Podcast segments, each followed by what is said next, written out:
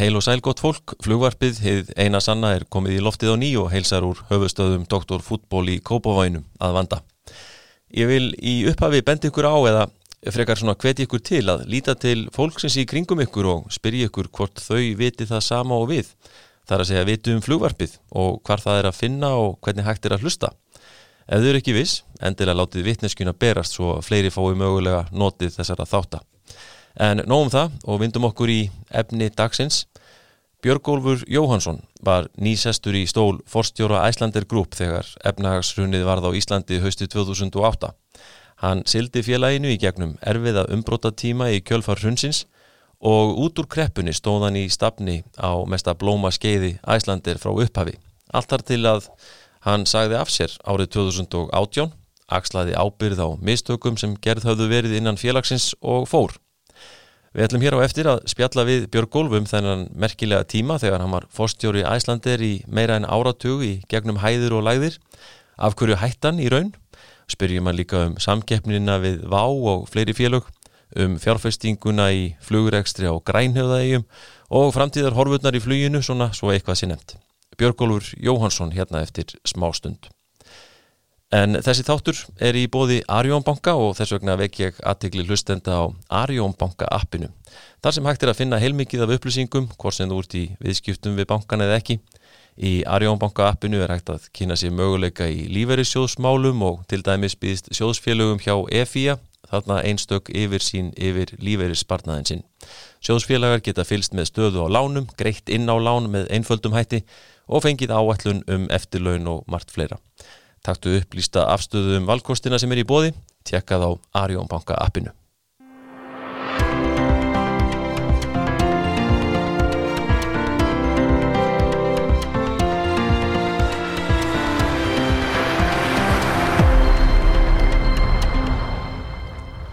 Já, Björgólfur Jóhansson, fyrirverandi fórstjóri Æslander Group er uh, mættur í flugvarpið. Verður velkomin. Takk fyrir það. Eh, eins og ég kom nú hér inn á í uppáðsvorunum þá er ímsu að taka en eh, mér langar nú svona að byrja að forvitna staðis um, um bakgrunninn ég held að svona flesti sem eitthvað til tekja vita að maður á að byrja á Grenivík, er það ekki rétt? Það er bara nafli alheimsins Nafli alheimsins Grenivík, já. Já, ég er þar fættur og uppalinn og, og hérna ég raun bjóð þar alveg þar til að að fór í mentaskóla gekk reyndar í laugaskóla sem er í Reykjadal í Suðþingar í síslu eins og flest allir gerðu. Og svo lág leiðin í, í metaskólan það var reyndar kannski var það ekki alveg ætlum mín að fara, fara þá leiðina. Nei. var svona tengdi sjónum mikið. Það er minn skipstjóri elsti bróður orðin skipstjóri næst elsti orðin skipstjóri.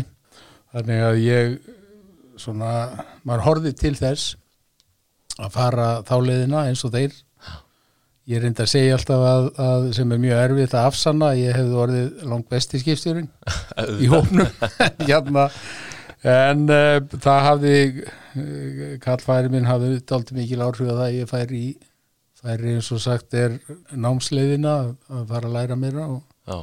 fór í metaskólan fór svo hérna í háskólan í viðskipturæði og, og um, endaði sem endurskoðandi.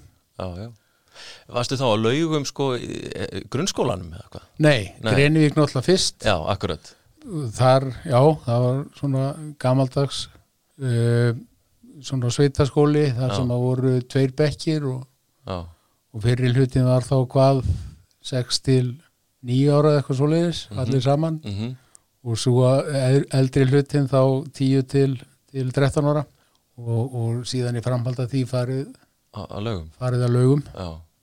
Og hérna Þannig það er svona verið gaggó árin eða svona eins og sömutalum sko. Laugar eru það sko. Já, svona þessi já. eldstu bekkinir Já, já. og það var, þetta er svona heimaðvistaskóli Já.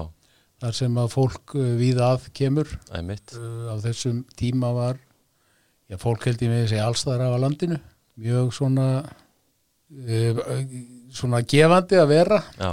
í svona uh, mikið nálað við, við krakkana og mm -hmm. og vinna þeim sem mynda sem halda svo fyrir lífstíð Og hvernig var þetta þá? Var þetta sko uh, fóstu þá bara mánudegi og kom svo um helgar heim eða, eða varstu bara þarna? Nei, það var nú reyndar ekki þannig við vorum þarna allir ekki farið farin í skólan svona það var nú oft hugsað til þess að vera atvinnilíf sko sem þurft að sinna og krakkar kannski að vinna hvort sem það var til sveita í söðburði e, eða þá að, að taka svona gúfi fiski þannig að við vorum nú bara alltaf ekki verið tvísvar á vetri sem við fórum fyrir utan jól og, og páska sem að við fórum kannski helgafri annars vorum við bara á lögum. Já, þannig að það var bara okkar heimili. Mm -hmm. í raun allt til alls sem að þurfti með á þeim árum þá náttúrulega sá maður ekki það var í raun bara að læra leika sér í, í, í hérna leikufinsalum, var í blak eða handbólta en, en við vorum auðvitað ekki með neinn svona tæki sem að nútímið þekkir. Nei, nákvæmlega. Sem það eru hérna snjálfsímar eða Já, hvað það er iPadar og bara, tótt bara gamal svartu sveitasími sem allir lustuð á ef maður þurfti að tala eitthvað. Já, en einhver leitist að ekkert Nei, það er nefnilega málið sko. Nei, það var, var lúksusum við að fólk uh, og við þurftum bara að finna okkur alltaf upp já. eitthvað til þess að, að uh, njóta okkur dag frá degi Það er gaman að því sko að hérna, ég vissi nú ekki um þessa laugatengingu sko en sonur minn er einmitt í framhaldsskólanum og laugum í dag og, sko, sjáðu til og hérna líkar afskaplega vel, sko. er Já, já ég, En ég verður bara viðkynna alveg svo er að sko þegar að hann ákvaði upp á sitt einstæmi að hann ætlaði að skella sér í þennan skóla Já. og búin að frétta frá vinnu sínum að þetta væri, skemmt, þetta væri skemmtilegt að vera Mhm. Að ég vissi ekki einu sinni að það væri starfrættur sko heimaðustar skóli á framhaldsskóla stíði þarna á, á þessum tíma það er bara Og frábært. reyndar er, er laugar þau, þar útskrifast stúdendar sko. Já, ég segi það sko. Að þetta er orðið svolítið breytti skóli frá því var. Já, þetta var svona, var svona eins og maður segir gamaldags sveita skóli þar sem að nefnjar urðu bara ábúendur mm svo sagt er og kennararnir voru líka á, á svæðinu þannig að þetta var svona já, tiltölulega stór eining einstaklingar sem að voru í leik og starfi. Einmitt, mjög skemmtilegt. En uh, hvenar svona já eins og með Grenivík uh, ertu með mikla tengingar þar í dag? Já, já, það er þetta náttúrulega er já, eins og ég segi, fjölskyldan er þaðan. Mm. þar búa sískinni mín þrjú. Þannig að maður fer alltaf ef maður fer norður þá kemur maður við á Greinivík og, og Já. hitta fólkið og þetta þekkir maður mjög marga þó að hafi breyst aldrei mikið núna, það er margt ungt fólk á Greinivík þegar maður kemur þóka, maður horfir á andlitin og reynir að finna út hverjir séu fóreldrar Já, viðkomandi og eða afi og amma er nú kannski nærði ég myndi þekkja afan og ömmuna mm uh, í dag sko. En, en uh, jú, jú, það er alltaf góð tenging og maður kemur alltaf við þar sko en þú býrið ekki þar í dag nei, nei, nei, nei en, en við erum með aðgangað húsi sem afi og amma átti það sem er endar já, svona fjölskyldu hús, það eru mjög margir um það raunar, komið líklega við þúsund manns sem að sem að eru ákomendur gömlu hjónuna á hlöðum. Já, það er þokkalugur hópur. Þokkalögur hópur, já, einmitt. Já, og gott að sá hópur kom ekki allur saman það, það, það myndi rústa sannlega greini ef við kemum alls saman í einu ha. Akkurat. En eins og þú nefndi, þú gengur mentavegin eins og segir og hérna viðskiptafræðin og, og ferði í endurskoðun. Já, Hvað, hérna, hvernig, hvernig vil það til að þú leggur það fyrir þig? já, það er góð spurning sko. ég eiginlega sko þetta var svona ég hérna ég var nú ekki mikill námsestur í Emma, og ég hef sagt og uh, það týðir ekkert að, að berja hausnum við stein með það að það er svo auðvelt að finna einkunnir hjá mönnum á þessum árum, það var svo margt annað sem var að glepja hugan uh, hvort sem það var sjallinn eða, eða einhverjar íþróttir. Þannig að ég var nú ekki mikið svona, ég var ekki mikið á bókina á þessum tíma en, en drullaðist nú samt í gegn.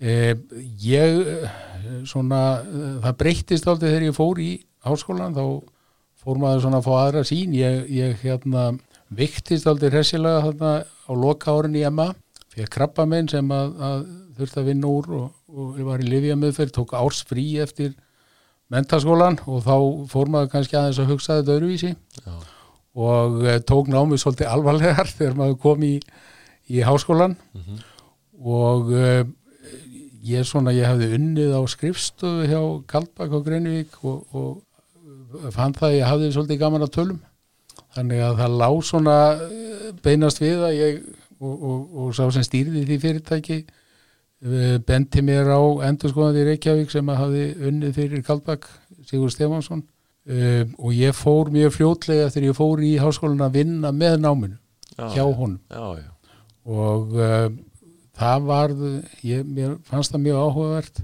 og, og ákvað því að smetla með þá leiðina og, og klára lögildinguna 85 og, og svo meðegandi í stofinni í framhald af því en, en ég held að það sé eins og svo margt í lífinu og kannski allt í lífinu að þetta eru hendingar Já, svona daldi röð tilvílenna Röð tilvílenna, gerist eitthvað mm -hmm. og, og um, maður einhvern veginn já, festist í því og, og um, endar í einhverju vekferð sem að maður kannski sá ekki og ætlaði sér kannski aldrei Nei. þegar maður var að byrja en svo leiðist þetta bara einhvern veginn út og, mm -hmm.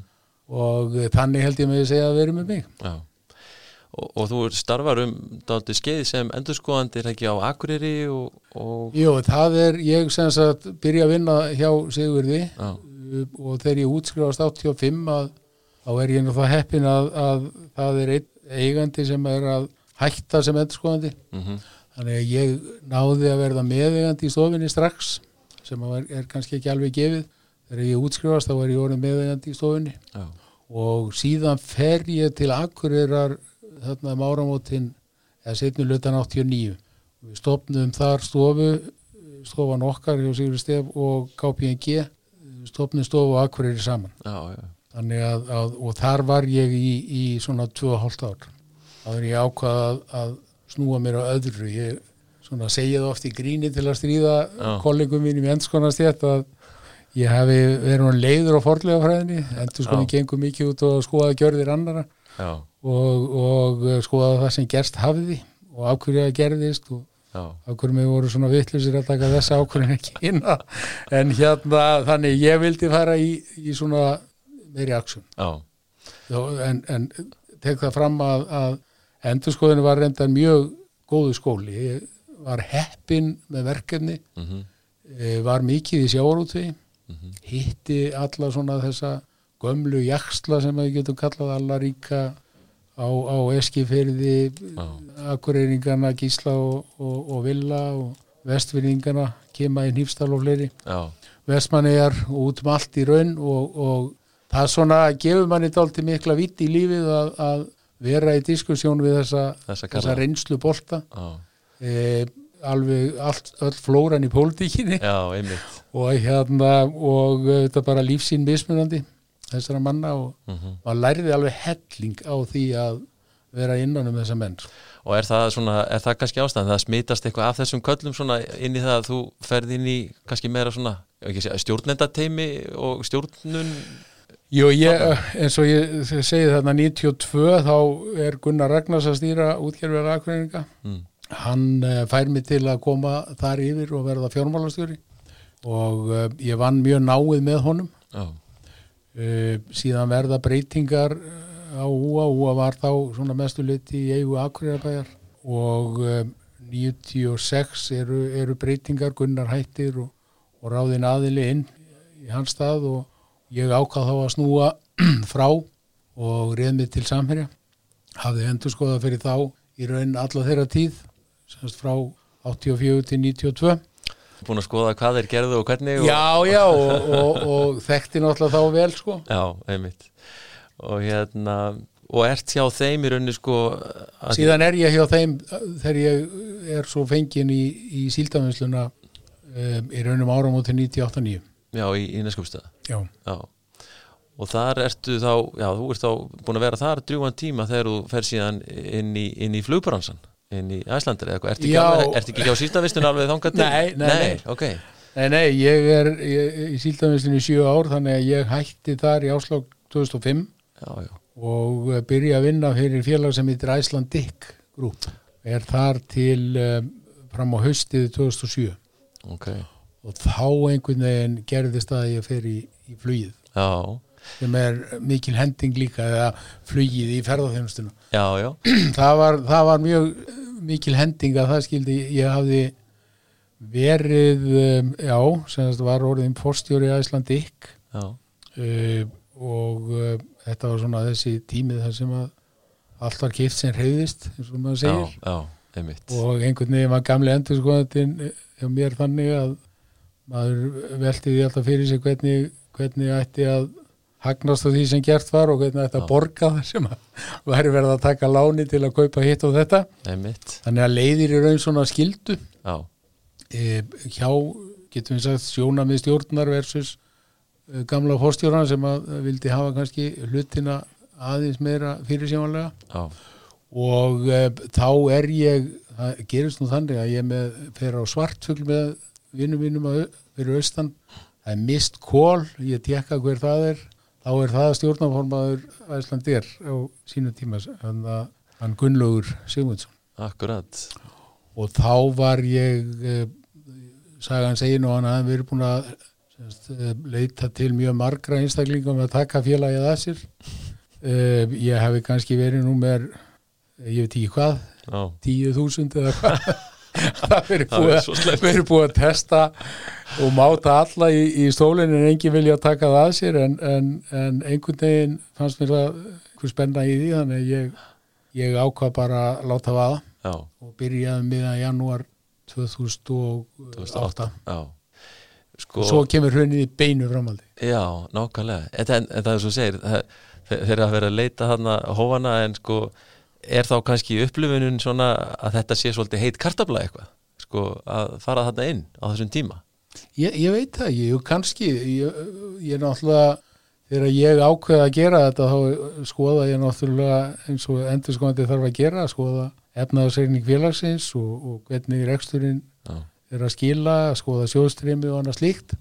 Og í mínum huga var það ljóst að, að félagi var ekkit mjög burðugt fjárháslega nei, það var ekki mikið handbært við í félaginu og, og um, mjög mikið framundan sem að var búið að taka ákvarðanir um hvort sem var umbreytingin í uh, endur nýjun á 7-5 með nýju sætonum og skemmtikerfun og því. Mhm, og síðan var búið að taka ákvarðanir um kaup á, á stórum fraktflugvélum uh, og ímislega fleira sem var, hafði verið í farvatninu og maður veldi fyrir sig hvernig menn ætluð að borga þetta allt saman. Já, koma að sjá út úr þessu en, en hérna og, og sem betur fyrir þetta kláruðum við hérna sætin og, mhm, og, og skemmta, skemmtikerfið og breytingar á vélónum sem að var mjög gáulega ákvörðun á mínu viti. Já, en sem betur fyrir tókst okkur að afstýra því að kaupa þessar kargovélar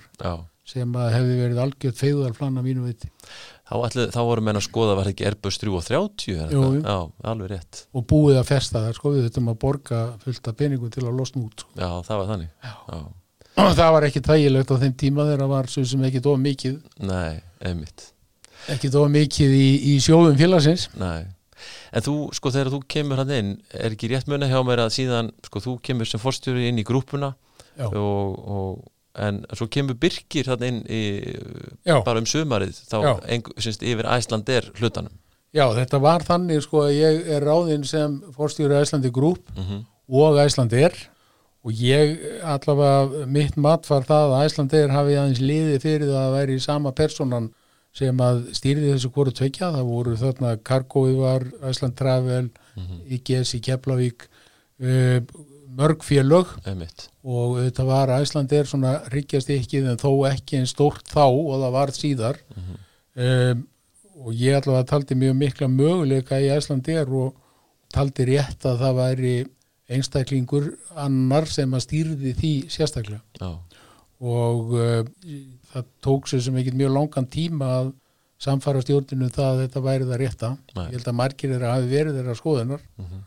Og Birkir er komin hérna í raun með mér bara fjórum mánuðum eftir að ég tek við sko. já, akkurat. Og þá eins og þú kannski mannst og, og, og margir flugmenn við tókum þá niðurskurð sem var mjög stór. Já, og einhvern veginn í, í nútímanum að mann glemt því að það var það varð rosalegu niðurskurður hjá Æslandir mhm, uh, bæði flugmann og, og eh, fólk sem starfaði við flugið og, og líka náttúrulega skrifstofum en, en um, það var mikið högg sögðum upp yfir 600 manns sem þá var af einhverjum rúmlega 2000 manna teimi sko. það var mikil, mikil aksjón strax og kannski var það líka við, við vorum búin að sjá svona vísbendingar um að væri eitthvað að gerast í, í efnarslífinu mm -hmm. á þessum að við áttaði sig á því að það myndi fara eins og það gerði svo í oktober þetta um höstið en, en við vorum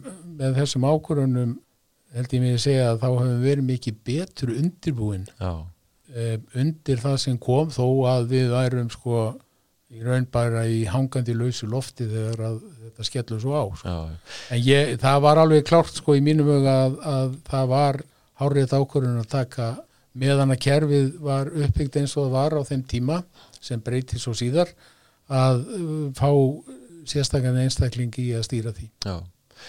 Talandum þetta eins og þú ert að segja það, þið, þið vissuður en ekkit sko fyrirfram svona hvað var í, í vændum uh, þegar að hérna Geir Hortið kemur og, og byður Guð að blessa Ísland Já, ha, það var rosalegt. Þetta er svakalegu dagur. Sko, mannstu þarna tíman þann dagan á undan og svona eitthvað, þú veist? Já, já, við vorum auðvitað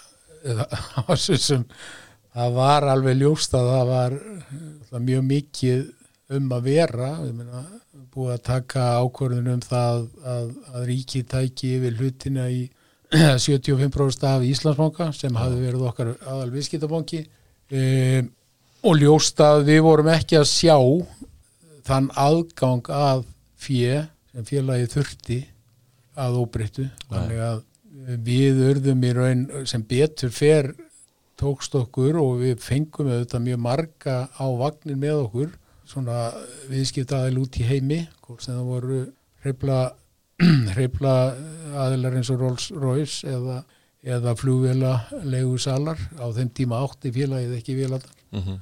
þannig að það, það var aldrei þröngstaða Já.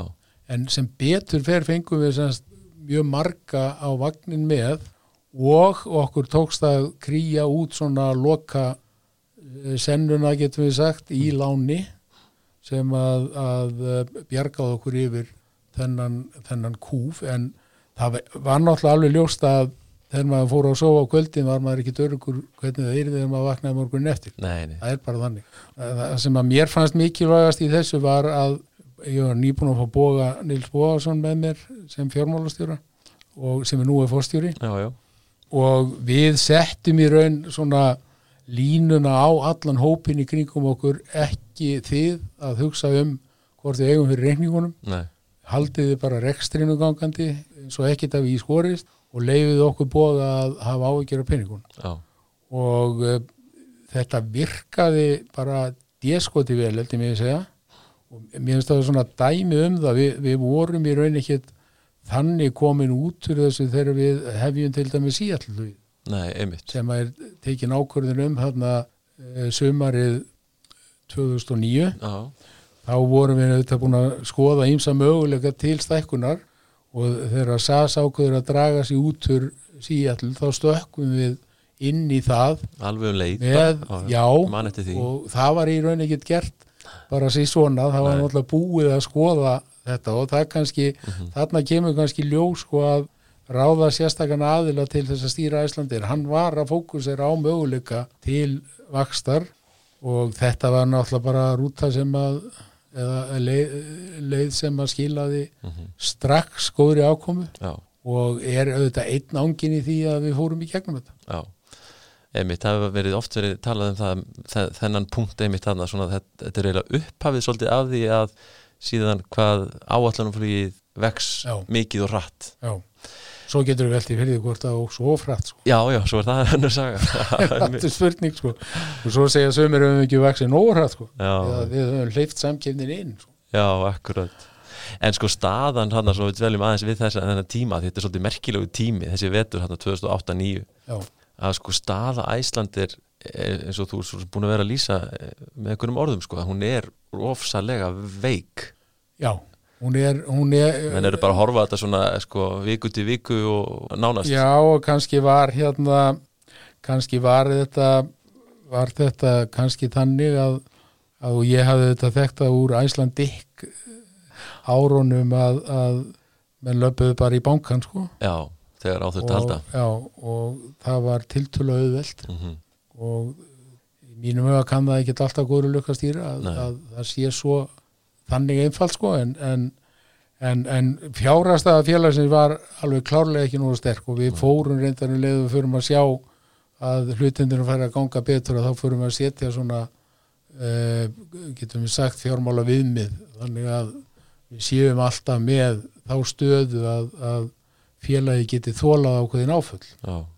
og ég held að það við sínt sig þá í þessari krísu sem er núna að, að félagi var ótrúlega vel undir það búið þanniglega og hefði sérst geta verið enn en betur ef, að, ef að allt eði ef við hefðum kannski ekki farið í það leiðir sem við vorum að fara þarna hluta til 2017-18 Já, já, akkurat.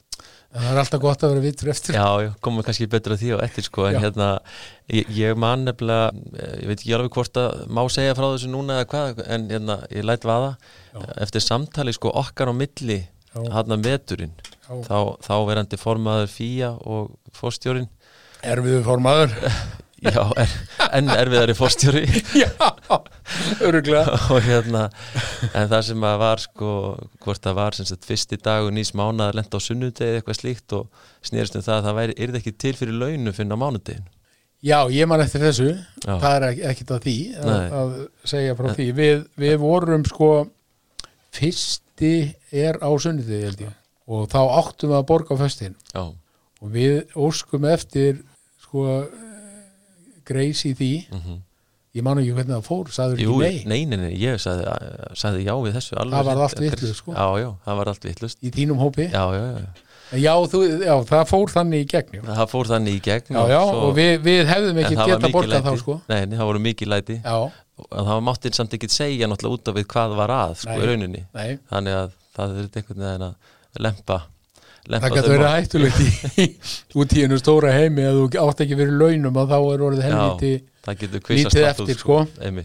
Og, og gæti haft vond áhrif ef að viðskiptavinnur út í heimi heyrði af því og segðu býtu nú þurfum við að hugsa sko. Já, en, en þessi, þessi tími sagt, ég held reyndar að, að við höfum aldrei ferið gegnum þetta að við höfum ekki fengið þessa, þessi stóru fyrirtæki sem að voru hvort þegar voru þjónustæðilegar í tækjum og eða flugvilunum mm -hmm. að, að þeir voru mjög sveianlegir við okkur Já, vinna þetta, vinna þetta með okkur Já, og sko Þeir, þeir töpuð ekkert á því Nei, nei, heldur, sko. nei, nei, mitt En það er hérna, eins og nú komst nú aðeins inn á sko í aðdragandar hundsins og allt þetta menn eru, menn fara mikinn erlendi sko, ekkit bara í bankageiranum sem slíkum og hérna Æslandi er á þessum tíma með mikla starf sem erlendis Já. og það þó svo fara menni í þessa svona fjárhagslega endurskipulagningu og er ekki rétt munna hjá mér, hún gengur, svolítið, gengur bara út á það að fara svona í kjarnan, íslenska kjarnan og, og losa sig við þessar erlendu eignir.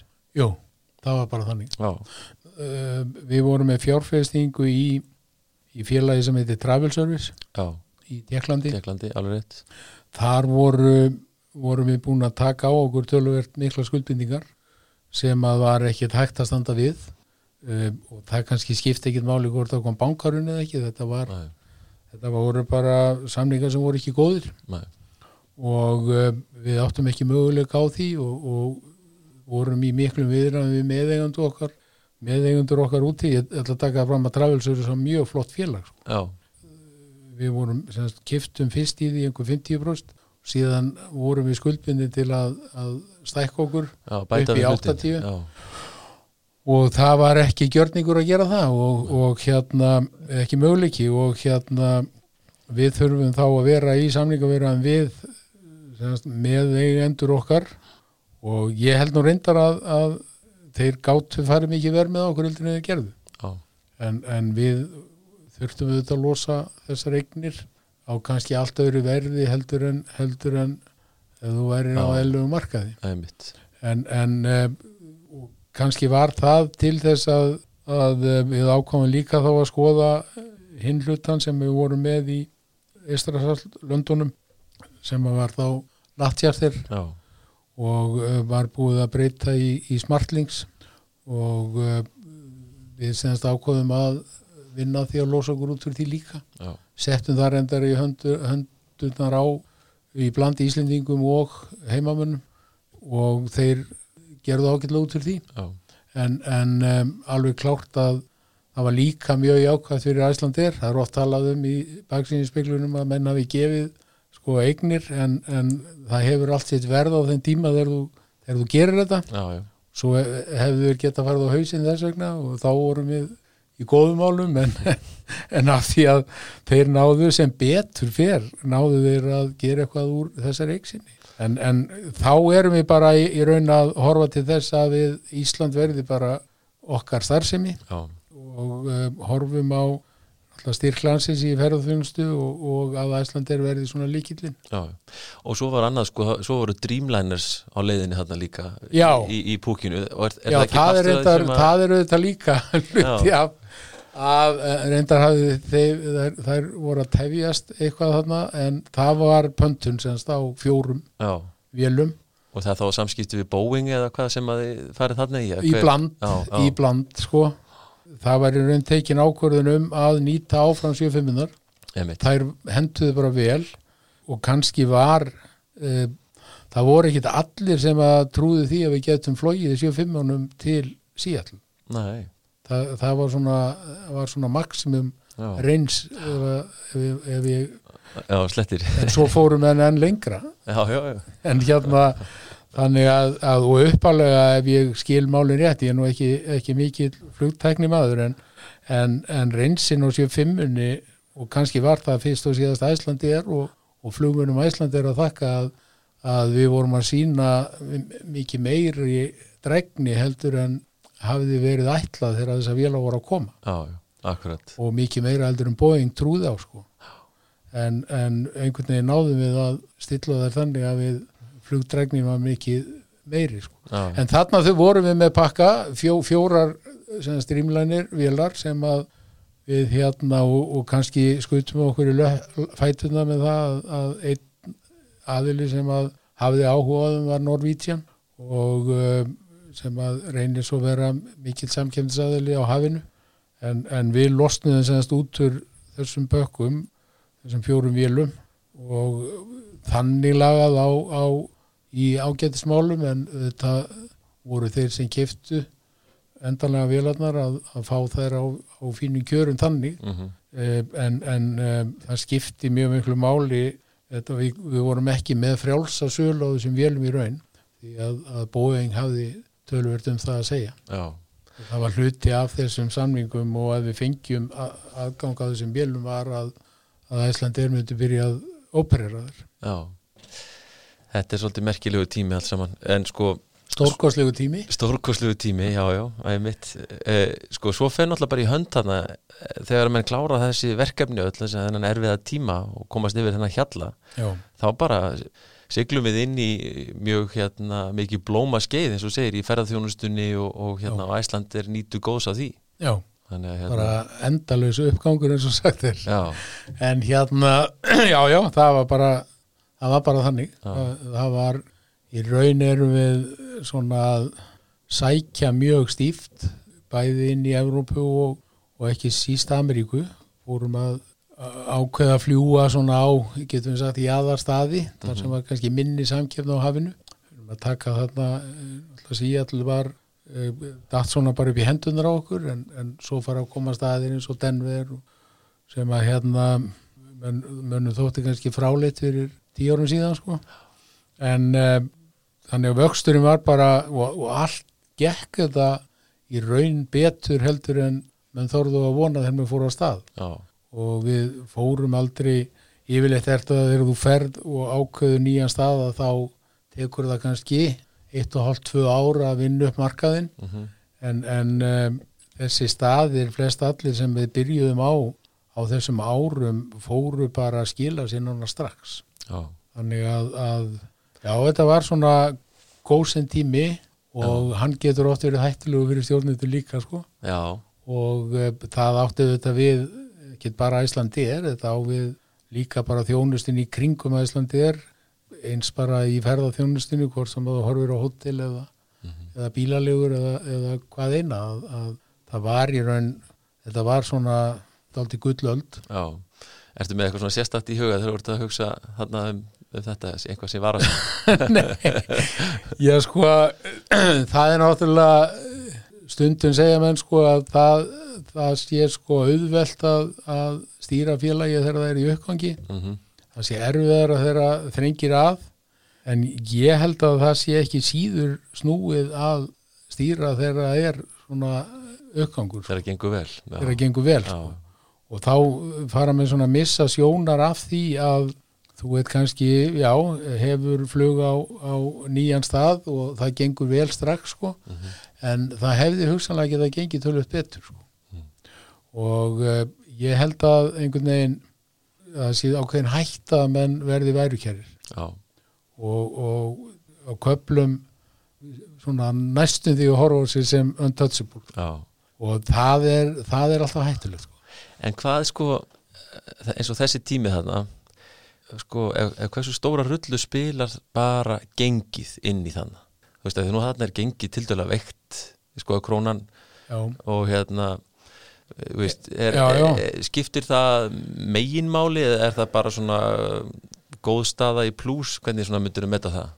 Já, reyndar er það nú þannig að, að félögin gera upp í dólar Já, þannig að, að þú svona, já, Já, já. svona ekki, ekki sömu áhrif en Nei. þó að tekjunar eru að uppstöðunni til kannski í dólar og evrum mm töluvert í krónum uh, kostnaðurinn er daldi mikill í krónum allur launakostnaður til dæmis Mhm.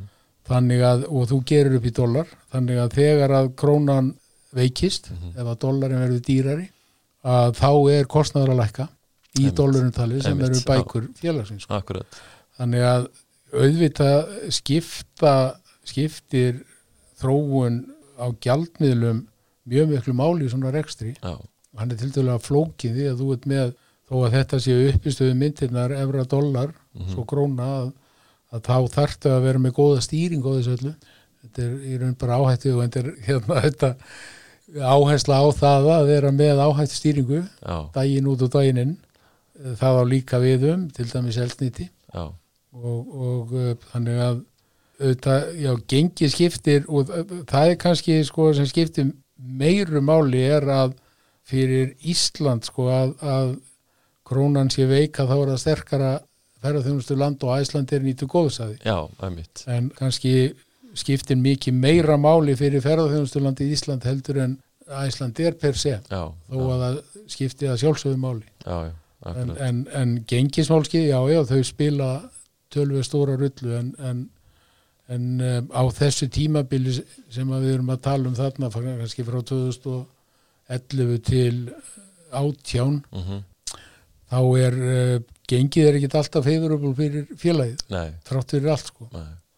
Þetta eru rosalega margar breytur í Já. þessum rekstri. Já. og sem nefnir fjúelið, elsnitið það er gengismálin, já, tekjur þarna og þessi markasvæði og hinn sko. Já, já. Þannig að, og svo ertu náttúrulega bara þú ert að keppast um farþega. Já, svo er það að keppu farþegana. Það þarft að berjast. Já, það er svona þetta, þetta er nánast eins og að gera bara út skip sko.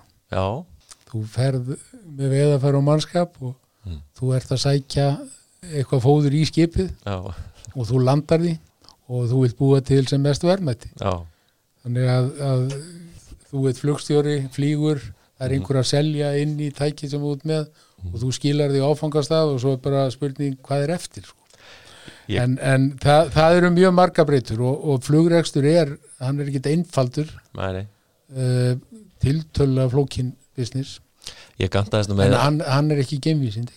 Nei, nei, ég gantaðist með það einhver tíma mann ég við kollega hérna á þessum tíma sem við erum að tala um hérna 2009-10 held ég að það hafi verið já, sem að gengismálin voru með þessum hætti sem við erum að tala um að, þá, þá saði ég eitthvað sem svo að það væri nú fínt að vera á hlut núna. Já.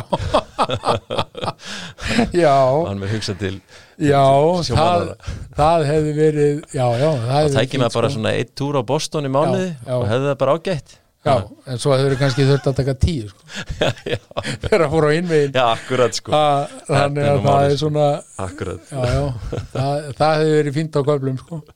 það er fínt á köflum. Það þarf að finna eitthvað meðalveg í þessu.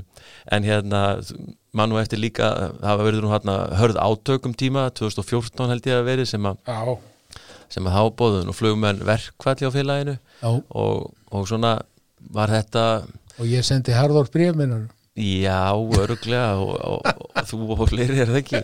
En þetta, þetta var mikil harka í þessu og hérna Já, já, svona- það var tölvöld mikil harka.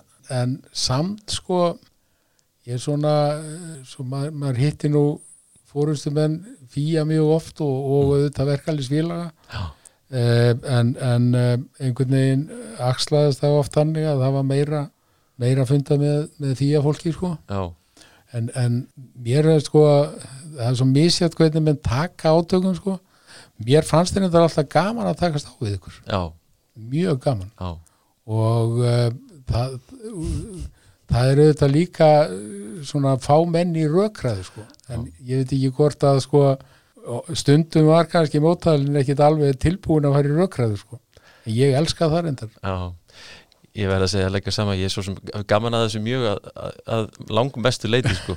en, en ég, ég finn hins vegar, það er svona menn eru, og ég held að sé svolítið þannig að ef menn eru móðguna gjarnir þá eiga þessu svolítið erfitt með þetta. En, en menn þurfa svolítið að geta svolítið að geta tekið því sjálfur sem þeir kasta sko. að sjálfsög, það, þú verður að vera þannig. Já, þá er þetta bara ekkert að hafa gaman að þessu svona. Já, já.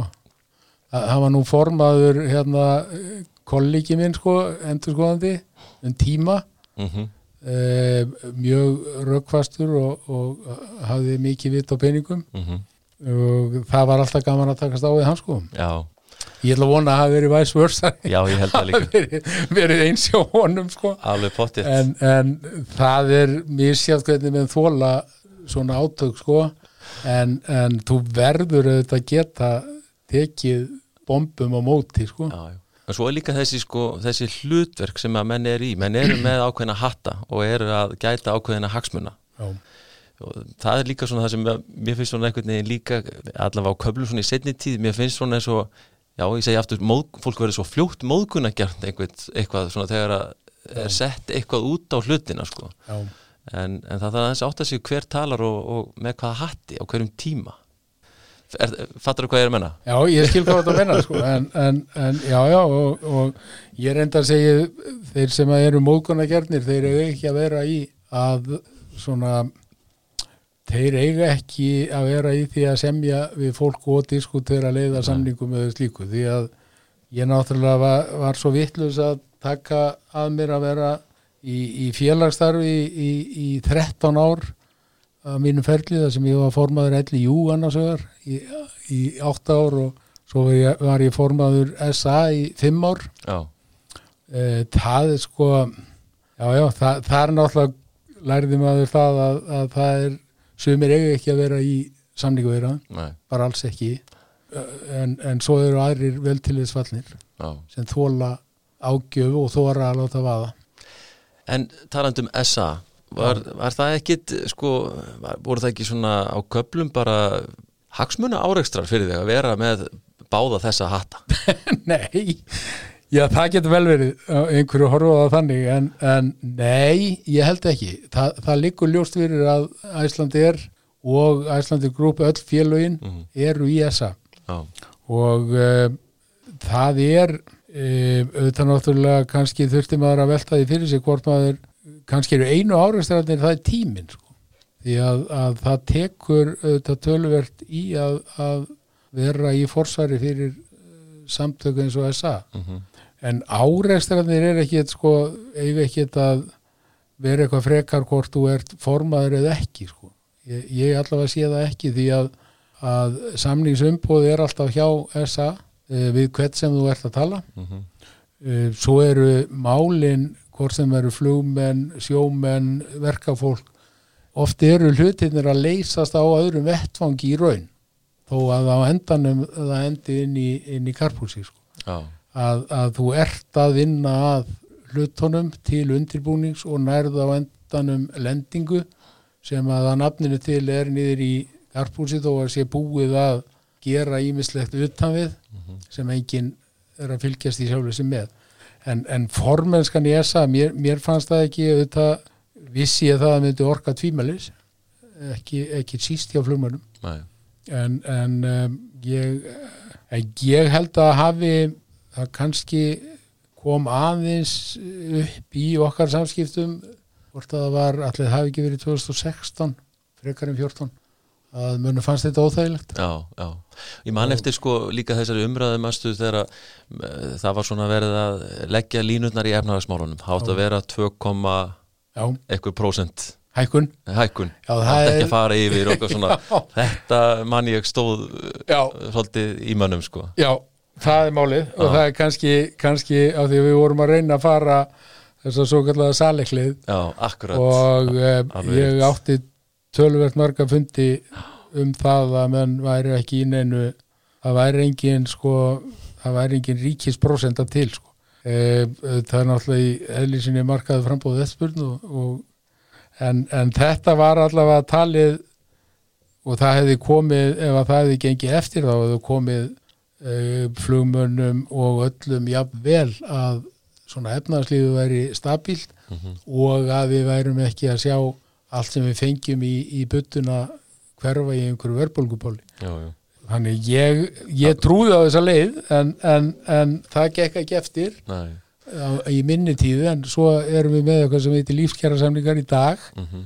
ég allavega, mér finnst þetta eldal hljóti allir að sjá það að það er betra að vera nokkuð vissum uh, hvað er framöndan í velasmálu til dæmis, heldur en að vera í einhverju óvissu að, að þúsungallin sé kannski orðin 800 krónu verið á morgun sko.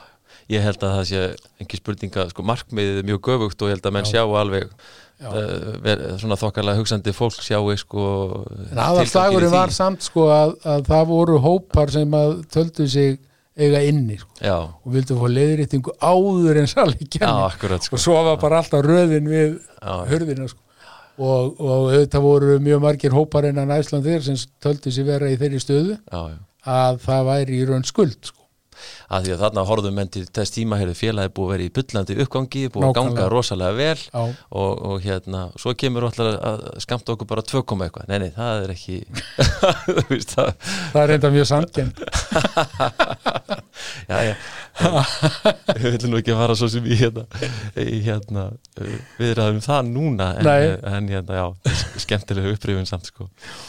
En svona þessi þessi svona samskipti við stjættafélagin og svona hvernig svona yfir höfuð, hvernig fannst þér þau ganga?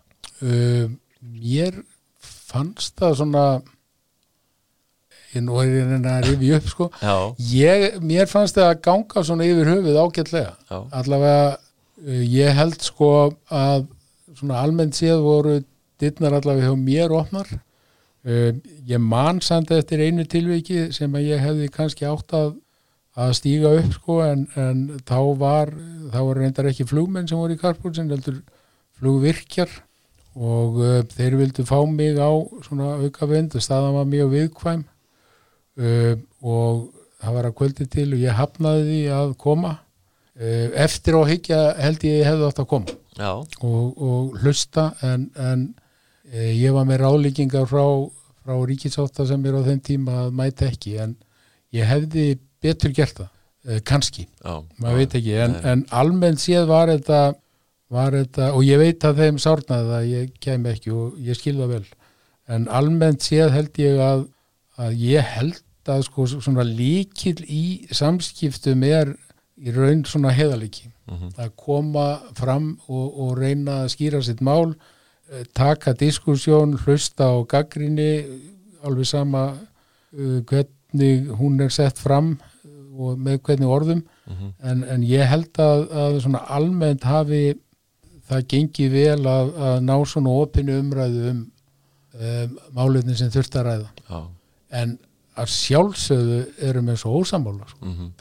Þetta er alltaf sko fyrir fórstjóra æslandir, þetta er hansi mörg stjættafélug að tala við allt og mörg í raun. Já, það er náttúrulega bara þannig. Það er náttúrulega þægilegt þetta væri bara svona einn vinnustæðasamningur og... Já, einn bara ríkilsamningur ég er ekki alveg vissum að Jú, þeir, þeir, það eru allt og mörg já. það eru allt og mörg stjættafjölu á landinu, það eru þetta bara þannig. Já, já það er nú svona alveg en, en, en stærra dæmi. einfalda, Já, já, mm. þetta er enn stærra dæmi en, en Æslandir er kannski kannski vest sett upp á þennan fjölda til að gera. Mm -hmm eða já, með og, flesta aðila til að semja við mm -hmm.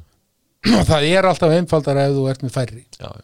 en þá kemur það því sko fara hagsmunandi saman hjá hópum sem er kannski búið að smetla saman mm -hmm. það þarf ekki að vera Þú talaði hérna áðan um, þegar við vorum að tala um þegar þú komst inn í fyrirtæki og, og þú fær hérna mann til þess að vera sérstaklega frangvöldastjóri fyrir Æslandir hlutan en, en svo tók það síðan enda aftur áðan þú hættir sko, hann fer aftur út og þú í rauninni kemur sefst aftur í þennan stól með þessa svona tvo hatta eiginlega Er það ekki rétt? Nei, já, þá erum við í raun að taka ákvörðun um það að svona rekstrarlega samina einingarnar.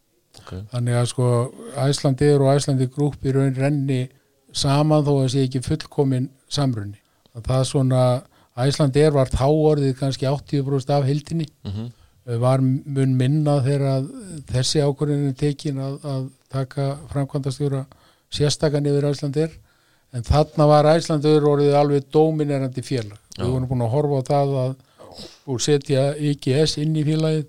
Og vorum að velta fyrir okkur að setja kargóið inn líka og, og ná svona já, ná þessu saman í eitt félag. Já, já. IGS var komið inn í raun en, en og þá Æslandir orðið enn stærra í þessari hild þannig að við horfum á það þannig að það veri rétt skref að raun samin að félagin uh, í þeim skilningi að, að þau varu bara rekstralega einn heild. Og þá uh, ertu og bæði er það að þú telur þú verið að ná meiri hafkvæmni mm -hmm. og meðal annars með því að, að þú átt möguleika á að fækka stjórnundum mm -hmm. sem að var þá raunin. Og það var þá um að ræða tvo einstaklinga sem að, að voru við borðið, annars vegar ég og, og, og Birkir. Og niðurstaða stjórnar var að, að ég myndi stýra. Já. Og þá þurfti Birkir að hverfa frá borði. Já. og síðan erum við þá náttúrulega í, í framhaldinu að gera þær breytingar sem þarf að gera svona í eins og til dæmis uh, starfsmannamálum stýring og því og, og fleira og fleira sem að, að, að hefur svo verið að, að sjást núna svona í því sem að bói hefur verið að gera, hann hefur reynda verið að ganga enn lengra í, í svona skilja að eins og til dæmis hótelsalan Já, einmitt. og, og fleira sem að, að hann hefur tekið svona hressilega til í. Já. en þetta var í raun svona eh, ekkit óeðlileg breyting. Mm -hmm. einfallega spurninginu um hvor einstaklingurinn ætti að stýra og, og nýðustafastjórna var þessi. Já. En sko, mér langar aðeins að tala þessum samkeppnina og, og þá náttúrulega fyrsta félagi sem kemur upp í hugan er VÁ. Já. Þú nefndi nú einmitt í hérna náðan sko svona í baksinnispeklunum hefði kannski uh, finnst mönnum eins og ekki hefði verið sko stækka nórætt og þá er það kannski svona fyrsta spurningin sko er það, er það þínu mati núna þú horfður tilbaka að menn hafi ekki synd mörguðum nógu vel að svona gert þessu félagi ennþá meira kleft eða kallað á tilur þess eitthvað veginn? Já, ég, já ég held reyndar sko að ég, ég held að við getum alveg farið aftur til ársins 2012 Já þegar Æsland Express er að byrja Ameríkuflug mm. og við svona við í raun á þeim tíma gáum þeim alveg svigrúmið inn á Ameríkumarkaðin e, þú mannst kannski eftir þessum tíma við vorum með eins og til dæmis á Boston kannski 90 6, 7, 8, 9% lót akkurat, já, já. sem er alveg galið. Já, sem er alveg galið. Og, og við vorum reynda bara kannski hefðum við átt að stækka meira, bæta við fleiri flugum bæði á Boston og New York. En, en um, það var já, það var ekki gert. Og okkur gekk ágætlega þarna samt. E, kannski áttum að hugsa meir um samkjöfninu og reyna að bregðast við þannig hún næði ekki fótfestu. E, gerðum það ekki. Og kannski er það rétt ákvörðun eða raung en hérna, allavega náði Æsland Express ekki að vinna út úr því. Nei. þeir lifiðu ekki af. Það má kannski segja sama þó kom vá allt öðruvísi að þessu. Þeir svona það er ljóst að þeir voru mjög öflugir í, í markasmálum kunnuðu þetta alveg upp á tíu. Mm. Og þeir fóru svona þetta fóruður á, á svipaða staði og söm stað og við en voru þó svona aðeins að taka aðra staði með bæði í Evrópu og Ameríku.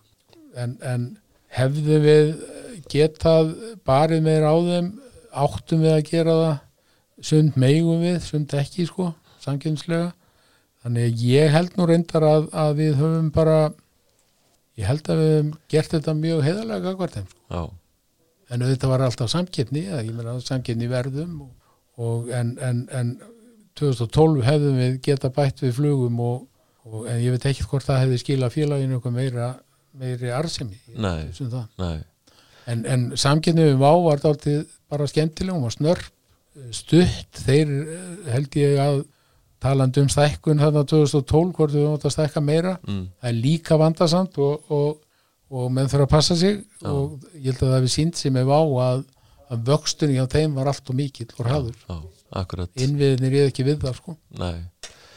Ég mani mitt eftir sko einu dæmit sko varandi innlandsflugið já, og leiðir með þetta er rámt hjá mér en er sko Æsland er tilkynnti um að þeirra vera að skoða innland já, fyrst, já, svo kemur vá, beint í kjölfarið. Já. Sem var reynda mjög gott og kannski var það, var það hérna útspekular að fá þá til að byrja Já, kannski Já, ég meina, síall er þannig að SAS er að hljúa og við bara döttum, döttum inn í marka, sko. Já, En við, já, já, við vorum búin að reikna Indland og tvo staði á Indlandi aftur og aftur, sko.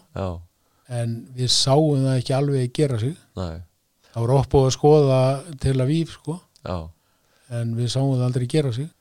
Þá En svo bara er, eru einhverju sem að stökkva Já, já, og bara vaða stað, að sýra heiminn. skúli óða stað þarna Já. í þetta Já, en það var svo sem ekki sér nei, því miður. Ég, ég held að hann var kannski enn á lífi og niður færið aðeins hægar. Já, en, en hann eins og ég ætla að ítreka að hvernig þeir voru að vinna eins og markasmálin hvað, þetta var mjög vel gert hjá þeim já, mjög margt og, og eh, en, en ég held að hraðin hafi verið á mikill. Já. Og sko samkeppnin náttúrulega hún er náttúrulega mikil við þetta félag en hún er náttúrulega líka mjög mikil við önnur hún, félag hún var mikið meira við önnur félug Já, auðvitað sko stóra samkefnin er í raun hvað er mikið frambóð á hafinu. Já, við, sko, þegar ég kem að Æslandi er þá er svo kvöldu vía trafík kannski rúmlega 30% af heildinni. E, það var gamall stjórnandi hjá Æslandi er maður talaði mjög, mjög marga þegar maður var að byrja en þá með slóra milli milli hérna puttana. Um, og þá var ráðlíking hjá einum sem ég mann eftir sem sagði að e, um leið og vía færi yfir 38% af heildinni þá færum við að tapa þá værum við að gefa sætin á hafinu. Um, við fórum yfir 50% sem við í alveg fóru yfir 50% já, já, og síðan ferðu að sjá eh, þeirra best er sko. Síðan ferðu að sjá aðila til dæmis eins og Norvítsjan sem að fer að beita samkjarnu hafið. Eh, stóru félögin á hafinu Mm. fara og bregðast við. Það hefur strax áhrif á Æslandir já, þó við séum ekki svona beint í samkjarnu við þessa stóru aðila að þá erum við svona sigla í einhverju verði sem við getum lifað ákveðlega við. Já, en þeir fara svo að dumpa og við förum að missa hlutdild ef að við lækkum ekki verð. Og uh, þannig að stóra samkettnin er í raun þessi stóru fjölu Lufthansa, Air France uh, British Airways og svo amerísku fjöluin sem Já. eru með point to point yfir hafið. Og stýra þessum markaðu svolítið. Stýra sjálfsögðu sem markaði. Já, já, og þá var það svona líkittin líka við okkur svona að fara á, á kannski aðeins öðruvísi staði heldur en þessi stóri er að fljúa á. Begja vegna haf sko.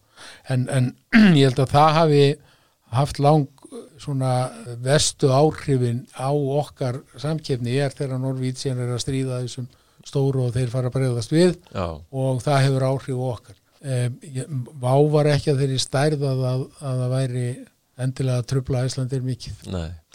En þetta, varst þú svona sem fórstjóri, varst þú svona mikið var við það til dæmis sko uh, varðandi samkeppnislaugin hér, þar að segja að þið væri svona heftir að mæta samkeppninni eins og þið hefðu viljað mætinni Já, það er enda sér kaptölu sko. Já, og efni annan þátt sko.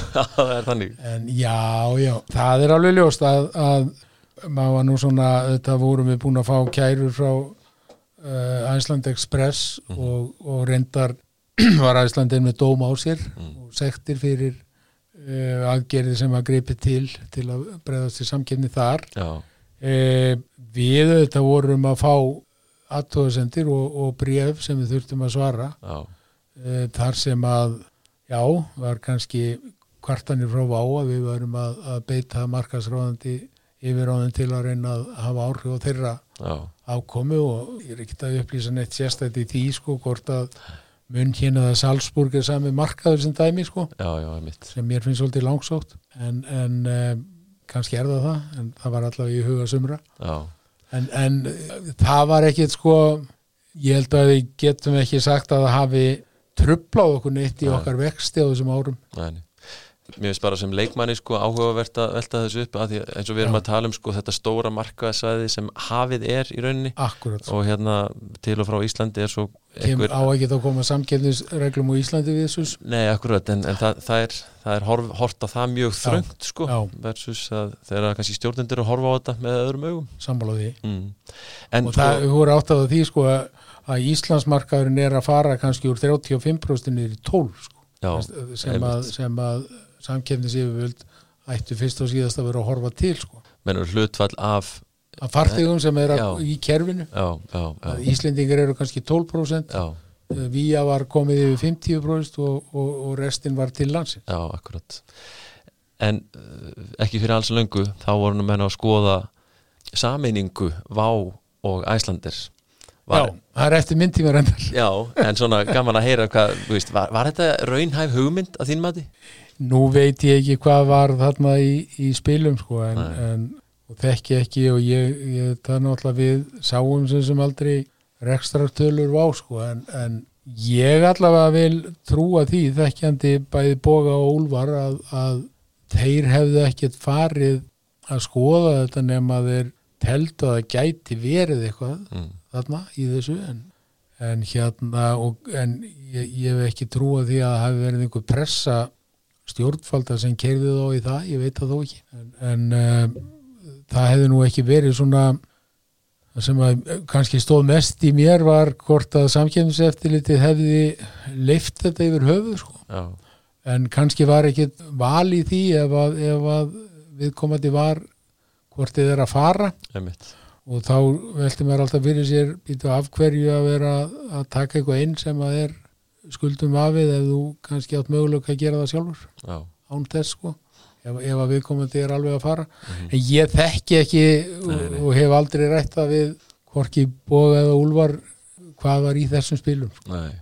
En það hefði verið svo sem svolítið áhugavert Mjög, mjög áhugavert og hvernig Og- það hefði spilast síðan sko. halda á sem svona low-cost ánga og, mm.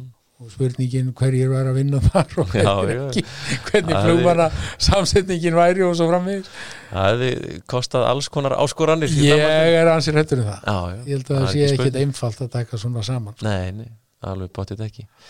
En hérna, já svona svo við klárum nú kannski ferulinn eh, hérna hjá hjá Æslandir Group, þú, þú segir af þér 2018 já. á ammælisteginum á amælisteginu já, það er það var þokkalega að smetla í 63 ára aldur. Já, og hvað hva klikkaði? eh, hjá mér? Já, ég bara sem verður til þess að þetta já, ég þú, sko þú sér þetta svona sem, sem, sem réttu leiðina á þessu tíma. ég, það er náttúrulega þannig að það að stýra félagi eins og Æslandi grúp er ekkit svona það tekur í. Mm. og ég var eh, búin að velta fyrir mér hvenar kæmi lokapunktur hjá mér það var alveg ljóst þarna í, þegar við gerum þessa breytingu 17 að þá var ég alveg tilbúin að stíga út sko. en, en um, þetta er í raun þetta var svo sem ekki flókin ákvörðun en, en, og ég, ég þetta gerði hanna með hag félagsins í huga fyrst og síðast eh, ég var auðvitað í brunni þegar eru teknar ákvarðanir í markasmálum sem að eh, eru já, teknar full hratt og allt og hratt. Þar sem þú ert að breyta samsetningunni þannig að, að svona markastarfið út, í, út, út á markanum er, er dreigið niður. Mm. okkar skrifstofur út í heimi lok, lokað og, og, og í raun vorum við að taka það skrif að setja allt á, á netið eins og sagt er. Uh, það var einfallega gert og Já, það var ekki ígrundað nógu vel og ekki undirbúið þannig að það væri eitthvað annað sem að væri að taka þá bolta sem að fjallu af borðinu þegar við förum í þessar lokanir. Uh, ég allavega horfa á þannig að, að aldur og fyrir störf hefðu átt að tikka og segja þetta er að gera svo hratt, kannski var þetta líka fjarr í mér þegar þetta er gert. Mm -hmm. og um, ég allavega horfa á þannig að það væri ekki annar sem bara ábyrður en ég. Nei. Og mér fannst það í raun bara allt öllum uh, ekki síst félaginu og starfsfólkinu uh, að ég myndi vikja voru menna elda of mikið vá hann er það partur af því? það geti vel verið sko. Já, já, ég meina þeir voru reynda mjög góðir í markaðsmálum og voru að gera þetta mikið til bara á netinu, ekki með neinar söluskrifstofur út í eimi. Mm það var hefð sem hafi verið hjá Æslandir uh, í gegnum árin hafði virkað auðvitað breyta svo tímanir og, og við vitum það að það er í raun alltaf að fara á netið alveg saman hvað við gera. Mhm. og uh, það var ekkit óeðlilegt að, að uh, menn vildu sjá breytingu í þeim efnum að, að fara að draga kannski úr þessu sölustarfi sem hafi verið uh, út á mörkuðunum og færa sér meiri yfir á netið. Uh, en sá undirvinningu var ekki nóg góður. Nei. og það hafði áhrif. Salan var að og dróð saman. Já, ég veit ekki hvort að hægt er að kasta einhverjum peningum á það en, en þetta var svona eftir á að higgja hefðum við átt að gera og nálgast þetta verkefni öðruvísi. En ég held að, að það, það er náttúrulega ljóst að þetta er að fara í þá áttin já, í raun öll sala um, er að fara í þessa átt já, alveg sama hverju nafni nefnist en, en við áttum að gera þetta aðeins meira ígrunda ég, eins og ég segi, ég stóð bara upp og já. sagði bara takk fyrir mig. Og sér það ekki eftir því? Nei, ég sé ekki eftir því. Ég, Nei, nei, nei. Þetta var bara mjög góðu tími, Já. tíu ár. Mhm.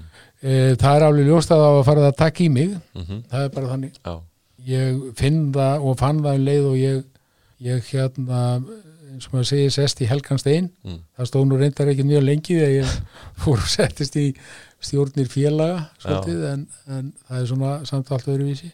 En ég fann það um leið og ég var, var sem sagt búin að skila liklum að, að það var ég, ég var komin hérna ég var orðin helviti langþreytur en hérna og enda komin tíu ár Mhm. sem er tölvöld, langur tími. Já, og, og uh, fínt að láta aðra taka við. En, en um, það að vera fórstjóri í svona félagi Mm. þetta lengi, kynnast allir því fólki sem að starfar hjá félaginu, það er náttúrulega bara ómetanlegt Mhm. og, og já, ég ætla að vona það að það fólk sem að starfaði okkur hafi fengið svona það svigrum og, og þá mögulega til að vaksa á þarna Mhm. því að, að Æslandi er, er svona ekta félag sem á að geta gefið svigrum fyrir einstakling til að, að vaksa á dafna þegar að aðstæður eru eðlar, Mhm. ekki eins og, eins og staðan er núna náttúrulega en, en almennt séð er, er þetta ekta félag í að leifa fólki að njóta sín. Þú varst uh, komin aðeins eh, eins og fleiri Íslendingar aðeins uh, með puttana í flugrekstur á grænhöfðægjum Já, ha, það var þannig. Hvernig hérna kemur það til? Já, það er þetta löng saga, hvað höfum við langan tíma? Já. Ég, þetta er ekki, þetta er opið í annan endan Þetta er opið í annan endan e, Sko, við vorum búin að vera að skoða eh, ríkisflugfélagið á grænhöfðum Já, Cabo Verde. Verde. Og það kemur þannig til að Jens Bjarnason hafði starfað hjá IATA og hafði verið þá í samskiptum við þessa aðila. Og þeir leita í raun svona til hans um það að hvort það sé hægt að koma þessu í einhvern farveg að, að ríkið losni útrúsu Mm. og, og náttúrulega þetta var það ákvörðin bara stjórnar Æslandir grúp að skoða þetta? Um, ég eh, skoðaði þetta náttúrulega með Jens og fleirum og niðurstaðan er svo að, að við ætlum að fjárfist í þessu. Síðan eins og ég segi þá gerist eitthvað í ágúst 2018 mm þegar við, það sem við rættum á þann að undirritaður stígur frá borði emitt og þá verður einhver titringur að það niður á kapu ég hafði náttúrulega verið í tölvöld miklu samskiptum við pólitíkina þar og, og einstaklingar sem við átt að geta og eh, já, málið var komið svona tölvöld á rekspöl að, að einka veða þetta flugfélag. Já, og það fór svona þáltið annan endan í, í þinginu niður frá og þeir koma hérna upp ráð þeirra ferðamál og með öðrum til og, og í svona samskiptum við Æslandi er þá fælst ég á það að, að vera þeim innan handar í þessu. Um, og sem endaði kannski að eiga 1% að þá var niðurstaðan að það þetta vera 30 ég um, tók sjálfur 10% Já.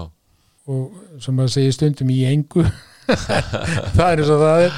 Og svo kemur félag sem að ég reyndar tengist aðeins eh, með, með 20 þannig að ég er hlutafið þarna í félagi. Um, Æslandi er á segjum 70% í félagin Já.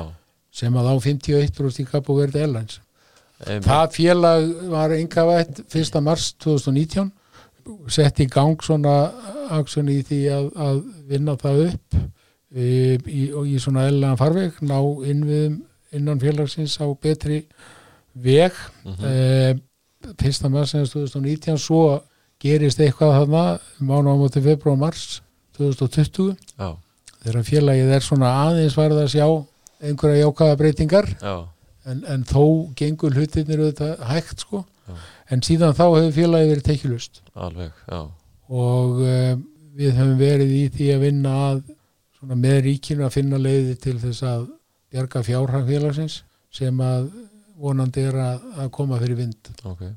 Þannig þetta er staðan eða þá menn er hérna með ákveðina hluti í gangi og, og, já, og svona stefnan á það að svona þegar að Já, ég, það hefur ekkert breyst tiltrúm mín á því að þetta sé alveg ídeal staðsetning mm. og, og ekkert ólíkt Íslandi að þýlutinu til að geti tengt heimsálfur Blúsin þarna er að þú ert með svona, þú ert með fjórar tengingar, þú ert með Suður Ameríku, mm -hmm. Afríku, uh, Norður Ameríku að hluta til og svo Evrópu. Já.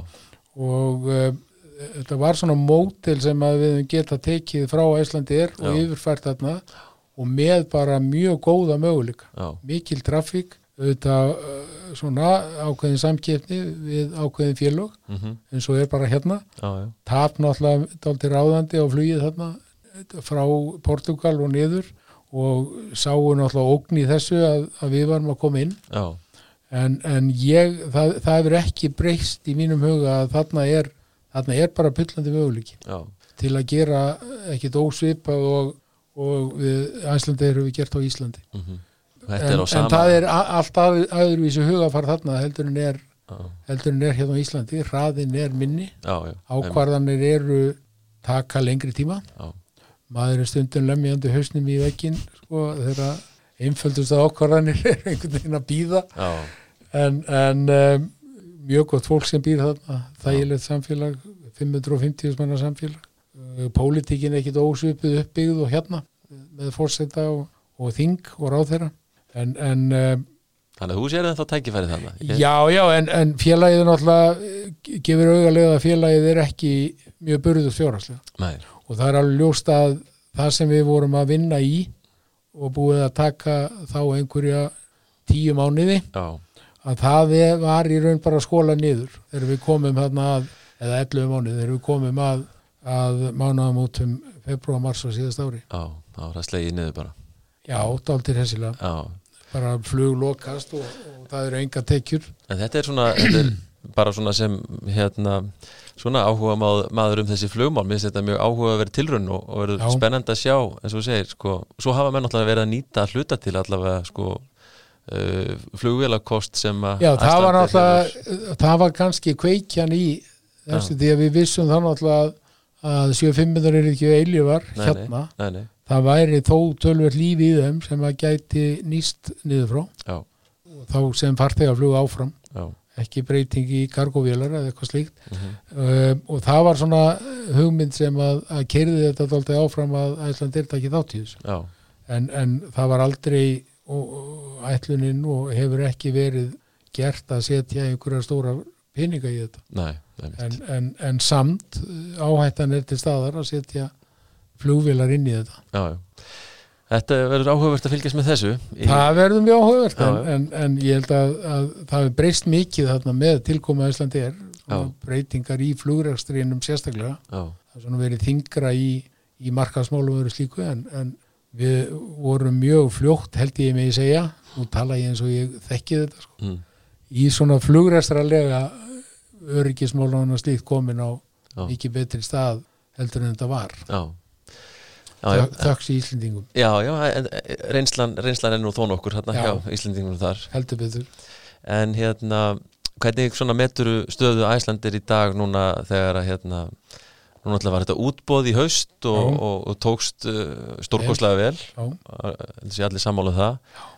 Svo í framhaldinu það er félagið hérna svona ríkis ábyrð að, hluta til svona neyðar lánalínu getur við sagt. Já neðalána línu, já. Er það ekki? Jú. Hvernig metur þú svona stöðu félagsins í dag? Og horfir á þetta svona?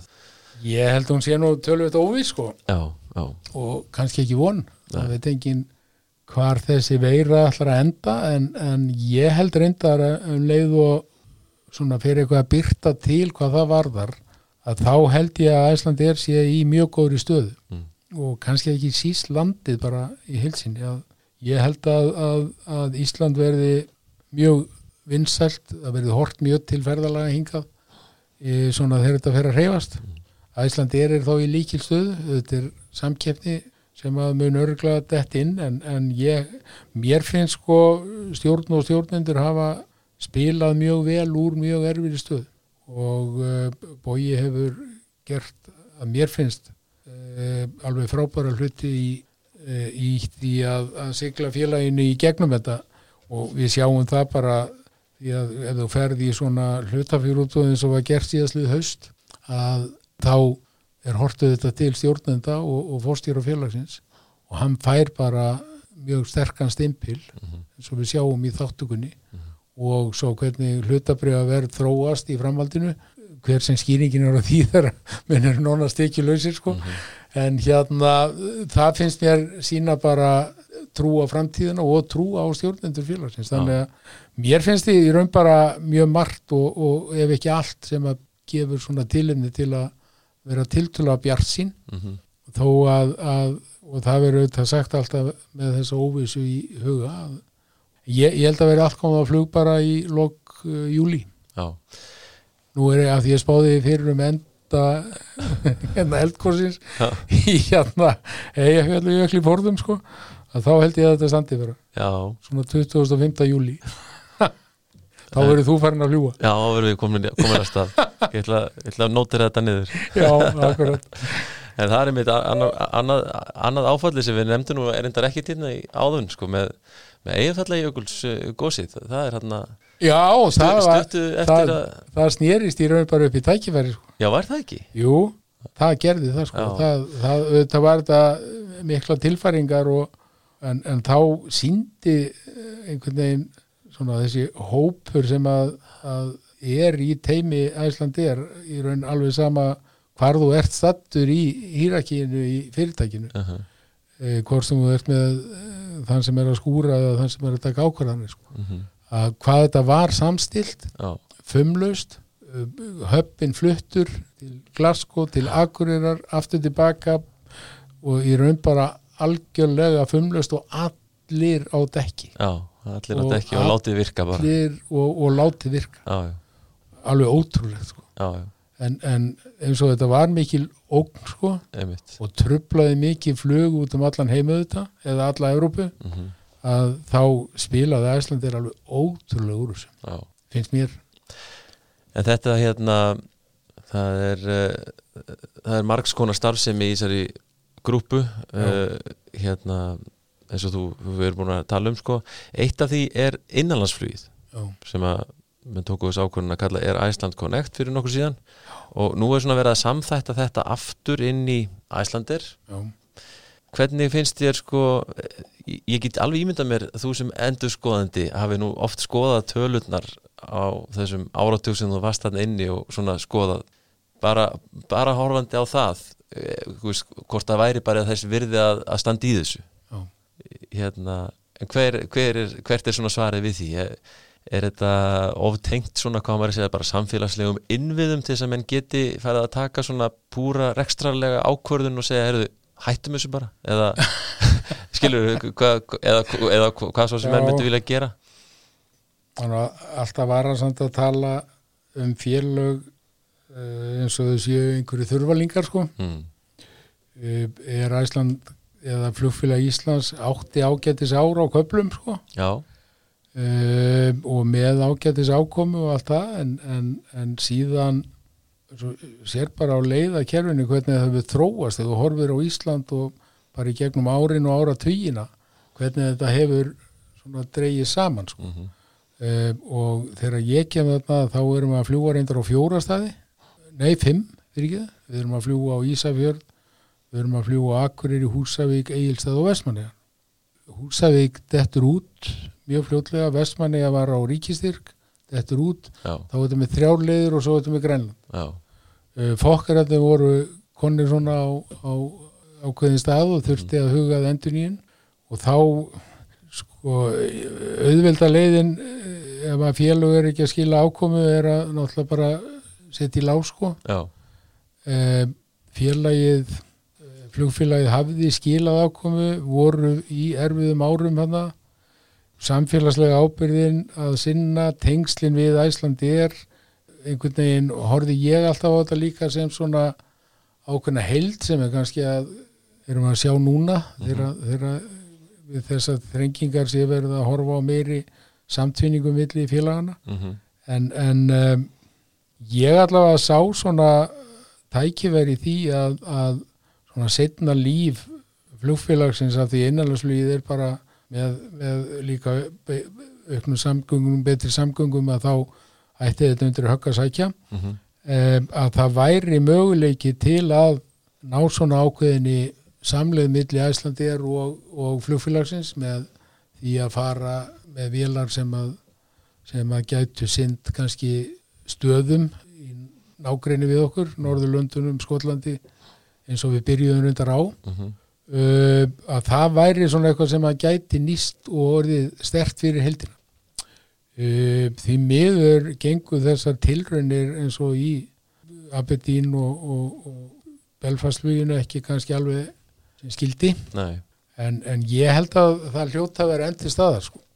ég held það því að e, hvort sem það er undir sér flugræstra númer eða ekki en, en þetta er svona stærða vilum sem að ætti að geta verið mjög gott í til að styrkja leiðakerfi stóra bróði sko. já En þetta fer svona, þetta fer svona svolítið í ringi finnst mér, ef maður horfir á þetta sko hérna, er ekki bara eins og allt í lífinu eins og allt í lífinu kannski, já, já, að því maður upplýði það að vera sko ráðinn sem flugmaður innanlands og Já. það var gríðarlega skemmtilegt og svo er þetta svona skilið frá og nú eru menn svona kannski varst þú í innhaldsfluginu? Já, svona í, í svona var það eftir að þú varst fréttamaður fyrir austan Eh, já, nei, svo kom ég, það var í uppsögninni 2023, þá, þá, þá, þá, þá var svona, eins og maður segir, einstöðið annars brauð, þá fikk ég smá, smá viðvík hérna hjá Rúf á já, einmitt, það var mjög skemmtilegt.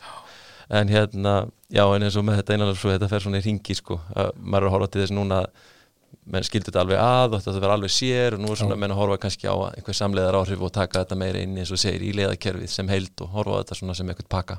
Já ég held að sko kannski fórum en aðeins að velta þessu líka meira fyrir sér þegar að, þetta búmi í ferðarþjónustunni kemur upp sko. Mm, að það var svona það að hafa aðskilið kann að vera jákvæmt á köplum sko. Já, en svo kemur þetta fram sko þegar þú ert komið ferðarmannaströmmin upp þú þarft að bjóða upp á dreifingum landið og svona tækin sem eru til staðar hjá flugfélagi Íslands á þeim tíma eru ekki til staðar hvort sem það lítur á bókunarkerfi sem heitir Amadeus eða, eða hvað skilur þau, lítið félag sem getur ekki tekið það stórt kerfi og svona.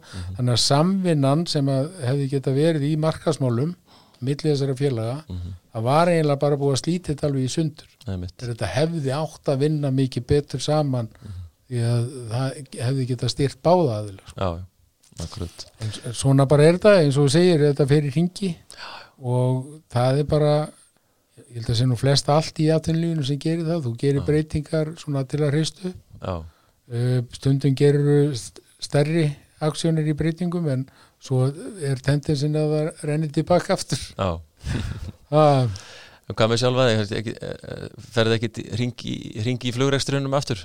nei, Nei, nú er ég bara kon á góðan stað ný hættur öðru starfi sem ég tók að mér tímabundið var mun lengur heldur en var planað Já, samherja? Hjá Samherja. Já, og uh, verð þeim með eitthvað innan handar áfram en, en nú bara er að koma sá tími sem að, að ég stemdi á þarna í ágústlokk 2018 að, að fara bara að njóta setni hluta já, æfinar já, og ég held að, að því að ég er komin á þann aldur sko að maður er að horfa á e, skólafélaga hverfa já, e, vini. Þannig að það er ekkert gefið með morgundaginn. Og maður á að njóta með hann að mögulegt er áður um að lendir í hjólastólum eða í, í rúminu. Já, þannig að, að ég ætla bara að stefna á það. Já, og, og eh, auðvitað náttúrulega er maður til taks ef eitthvað eitthvað kemur upp og ég sitt í einhverjum stjórnum og svona en, en, en fyrst og síðast er ég bara með stefnun og njóta lífsins. Það ljóma vel. Og, og hvað séu, það er óvægt að fara að bóka flug í júl, lokjúli, sagður ég ætla að vona að sé bara að byrja að bóka en að vera fara að fljúa fullu. Jú, að fylgðu þá. 25. júli Já, það er ágætis plan. Já, það, menn þurfa líka að þetta er alltaf kannski óheppilegt að vera að gandast með þetta en ég trúi því að, að það muni gerast hrattbreytingar núna á næstunni. Já, ég ætla að trúa því með þér líka. Bjart sínir hér okkur áfram. Það er ekki spurning. Björgólu Jónsson, takk kærlega fyrir að koma og hérna spjalla við mig í flugvarpinu Takk miklu frekar. Og uh, þar með látum við staða numið að þessu sinni. Takk öll fyrir að hlusta og þar til næst, góða stundir.